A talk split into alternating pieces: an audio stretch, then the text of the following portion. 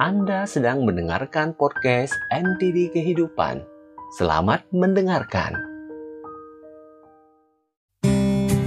Kesempatan Suatu pagi di sebuah pasar, tampak seorang pemuda sedang tidur bermalas-malasan.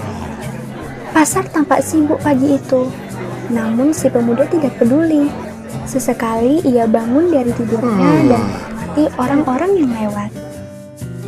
Menjelang siang, salah seorang pedagang di pasar itu berjalan melewati si pemuda.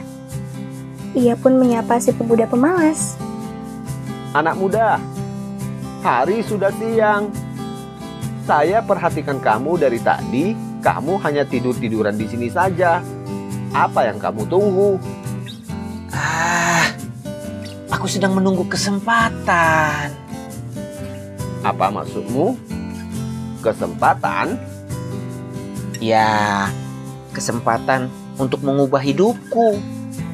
Kata orang, aku harus menunggu kesempatan datang.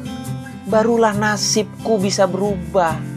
Aku bisa menjadi kaya, sukses, dan memiliki apa pun yang ku mau. Karena itulah, aku dengan sabar menunggu kesempatan itu datang di sini. Si pedagang itu tertawa terbahak-bahak mendengar penjelasan si pemuda. Pemuda pun menatap si pedagang dengan pandangan kesal.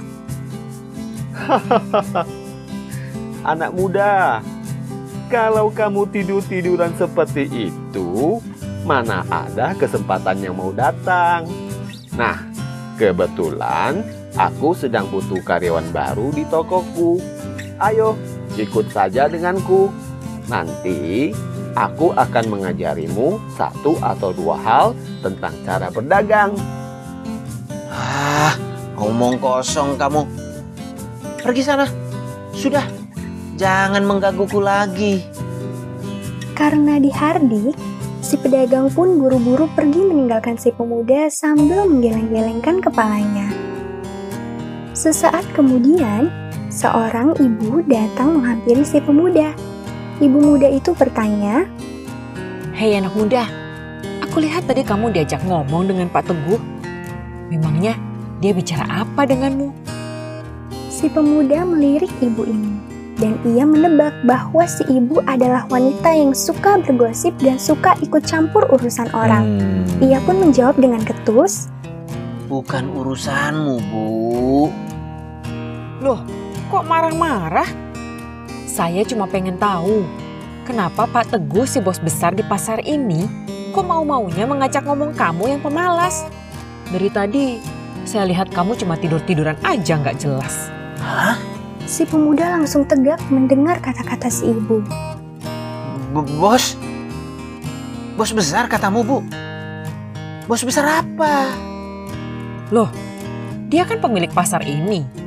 Makanya saya heran, kok dia mau-maunya mengajak ngobrol pemuda pemalas sepertimu.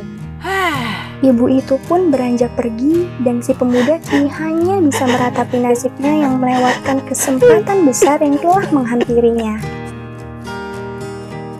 Kadangkala, kesempatan itu datang tanpa diduga, lewat orang-orang yang tidak terduga dan terlihat sangat sepele. Jangan menganggap remeh sekecil apa pun kesempatan itu, karena sering kali pencapaian besar justru diawali dengan kesempatan kecil.